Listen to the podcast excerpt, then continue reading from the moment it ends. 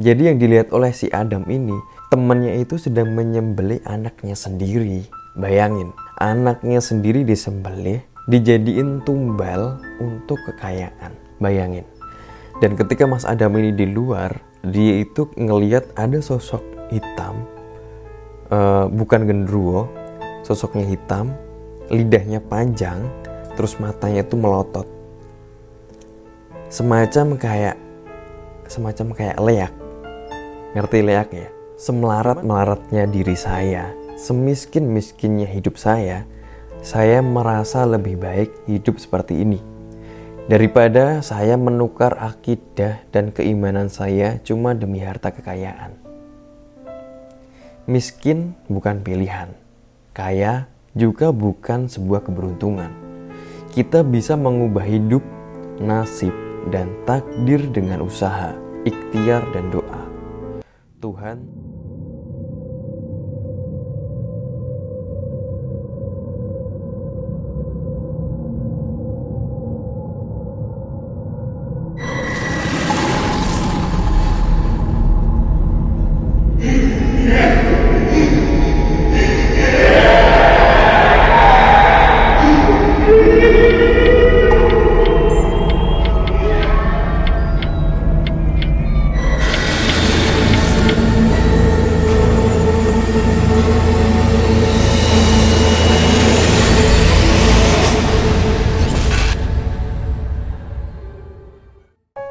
Assalamualaikum warahmatullahi wabarakatuh.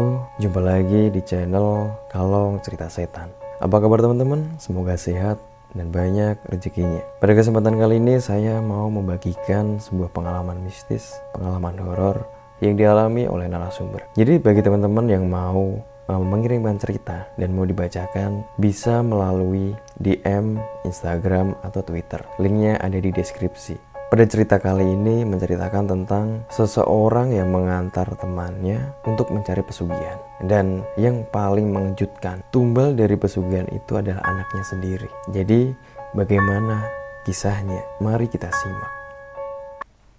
Namanya Mas Adam. Kejadian ini berawal di tahun 2015 yang lalu. Mas Adam ini punya teman dan temannya ini meminta bantuan atau meminta tolong kepada Mas Adam untuk mengantarnya ke suatu tempat di pedalaman. Karena menurut temannya ini hanya Mas Adam yang tahu jalannya.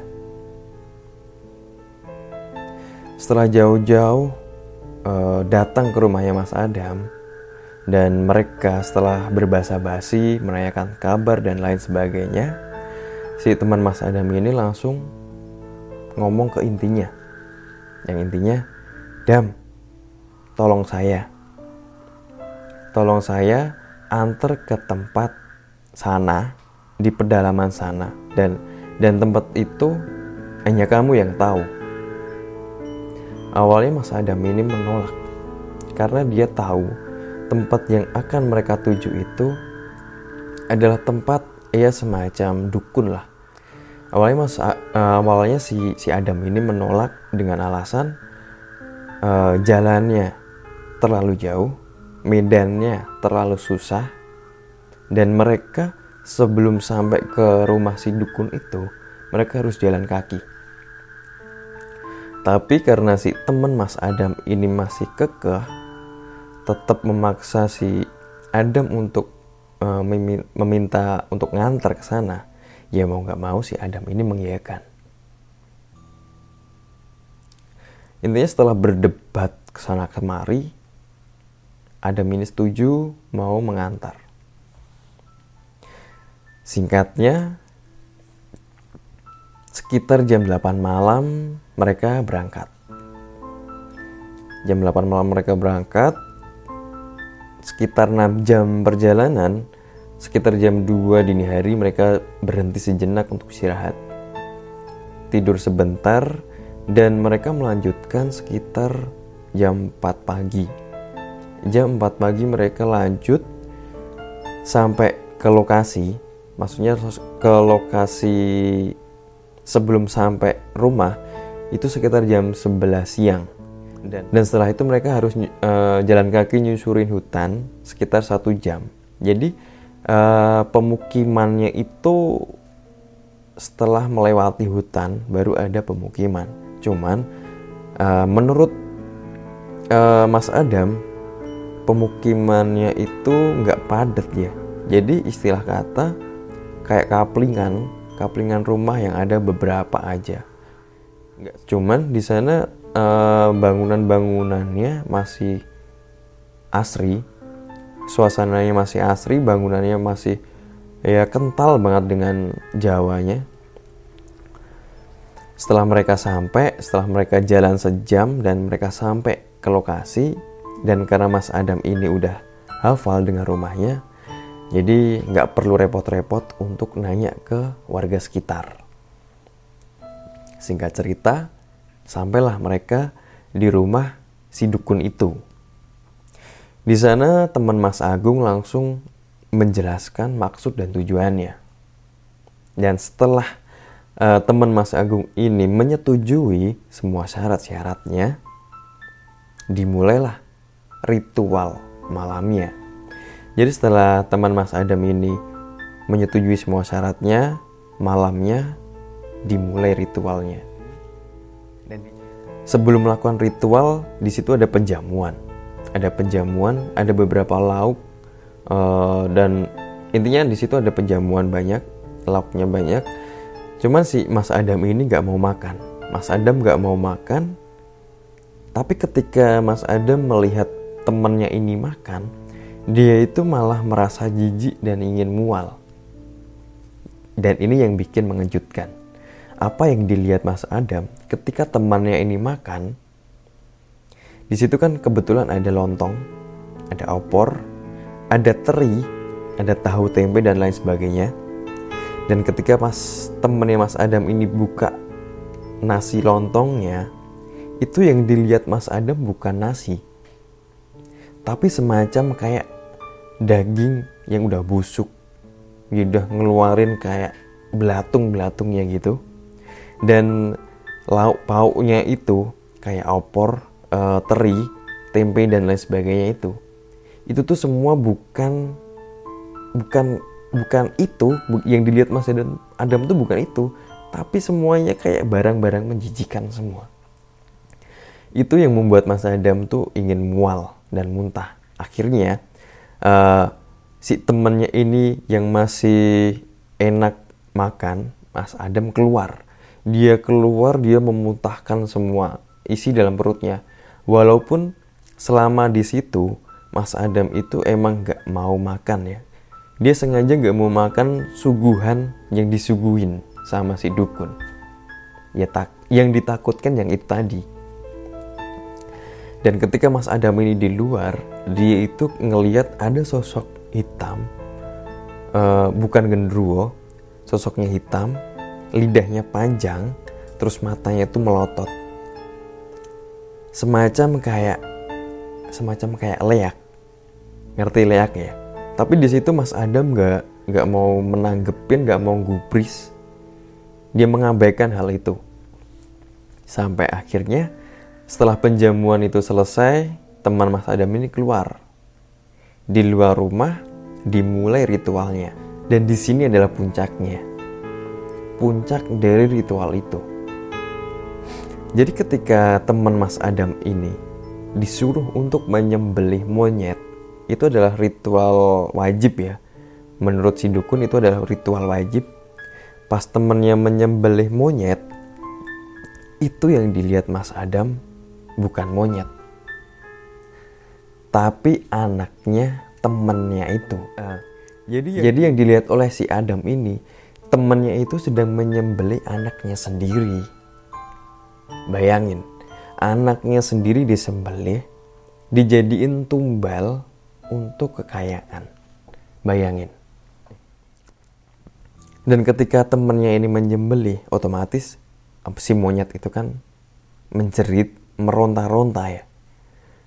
Jadi yang dilihat Mas Adam itu anaknya si temennya itu menjerit, meronta-ronta, meminta tolong, memanggil bapaknya memanggil bapaknya, meminta tolong. Bener-bener gila. benar-benar di luar akal sehat. Dan setelah ritual itu selesai, yang kalian bayangkan, yang saya bayangkan, ketika monyet itu udah terbelah dua, kepalanya udah terbelah dari badannya. Otomatis yang dilihat Mas Adam apa? Anaknya, si temennya, sama kepalanya ditenteng.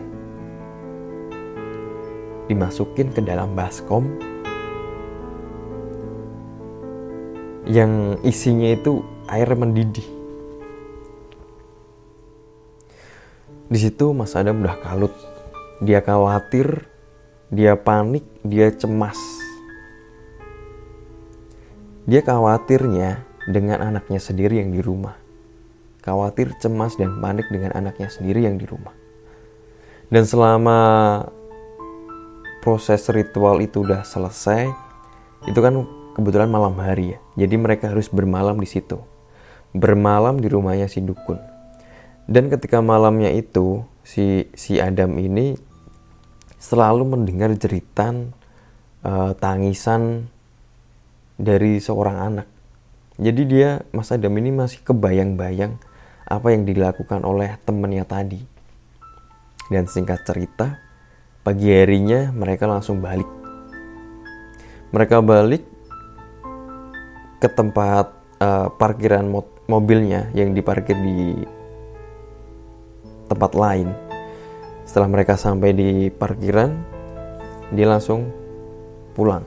Mereka langsung pulang. Mereka langsung pulang nganter temannya tadi ke arah Bekasi.